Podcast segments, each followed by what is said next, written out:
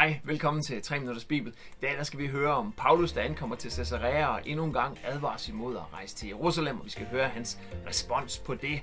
Det hele det finder vi i Apostlenes Gerninger, det 21. kapitel, fra vers 7 til vers 16.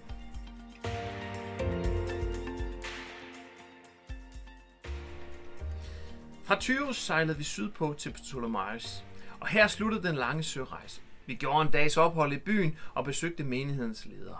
Den næste dag tog vi videre til menigheden i Caesarea, hvor vi boede hos evangelisten Philip, som var en af de syv menighedstjenere. Han havde fire ugifte døtre, der alle havde profetisk gave. Under vores ophold der, som varede i flere dage, kom der en profet ned fra Judæa. Hans navn var Agabos. Han trådte frem og tog Paulus' bælte, bandt sig selv på hænder og fødder med det og sagde, Helligånden siger, den mand, som ejer dette bælte, vil jøderne binde på denne måde i Jerusalem og udlevere til de romerske myndigheder.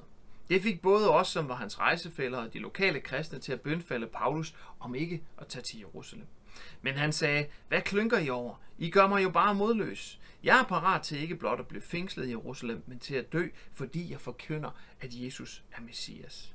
Da vi så, at han var urokkelig, sagde vi stille, Herrens vilje ske. Kort tid efter gjorde vi klar til at afrejse og begyndte turen mod Jerusalem.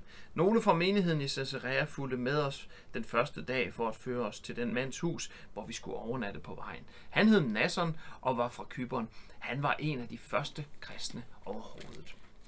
Så Paulus og hans følgeskab, de kommer altså til Caesarea her. Og igen, så øh, får de en advarsler. Det er ikke fra Philips øh, fire datter, som ellers øh, taler, øh, eller ellers øh, ja, har profetisk tale, har profetisk gave. Og, og Philip kan vi huske helt tilbage fra Apostlenes Gerninger, det 8. kapitel.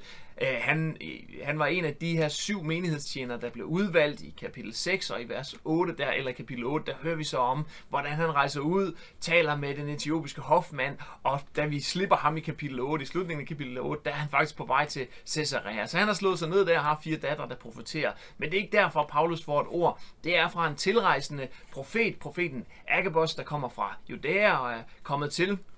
Og, øh, og han, øh, han giver et ord, og lige på overfladen kan det lyde som det samme ord, som, som øh, Paulus har fået flere gange, men her, i modsætning til det, vi snakkede om i går, øh, hvor, hvor der kom en menneskelig tolkning ind over det ord, der var for Helion, så er Agabus faktisk rimelig skarp her. Han, han, øh, tager, han viser med det her billede, med Paulus' billede, som han tager øh, frem og spænder om sine hænder og fødder og siger, det er det her, der vil ske mod den mand, der ejer det her bælte, altså Paulus, når han kommer til Jerusalem. Han siger ikke, Paulus ikke skal tage dig til. Han siger bare, som vi også har snakket om i går, det er det her, der øh, kommer til at ske. Så det er ikke en øh, advarsel mod at tage hen. Det er mere bare en forberedelse til Paulus igen om, hvad der skal ske. Og, og, og reaktionen, vi så hører, den kommer ikke fra Agabus, eller den tolkning, der er der, den kommer fra hans egne disciple, hans egne rejsekammerater, og så byens befolkning, eller dem i menigheden i byen. Det er dem, der lige pludselig tolker og siger, du må da ikke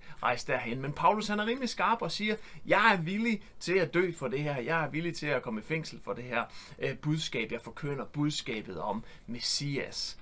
Og da han er så opsat på det, så sker der det, at disciplene, eller Paulus' rejsekammerater, dem der er i menigheden i byen, de faktisk siger, okay, så Herrens vilje sker. Det synes jeg er vigtigt lige at slå ned på i dag. Herrens vilje ske, det er det, vi beder os, når vi beder, Fader vor, ske din vilje. Vi må forstå, at vi er overgivet til, øh, til Guds plan. Vi er overgivet til at være tjenere for ham, til at arbejde på hans riges udbredelse, hans store plan. Nogle gange så kan vi blive så opslugt af os selv, at hele vores bønsliv, hele vores fokus, det kommer til at være rettet mod alt det, vi gerne selv vil opnå, alt det, vi gerne selv vil have, alt det, vi gerne vil være fri for, alt det, vi gerne vil modtage. Øhm, og det er godt nok, der er ikke noget galt i at bede omkring de her ting her, men vores mindset, vores forståelse må være den samme, som de når frem til her. Gud din vilje ske.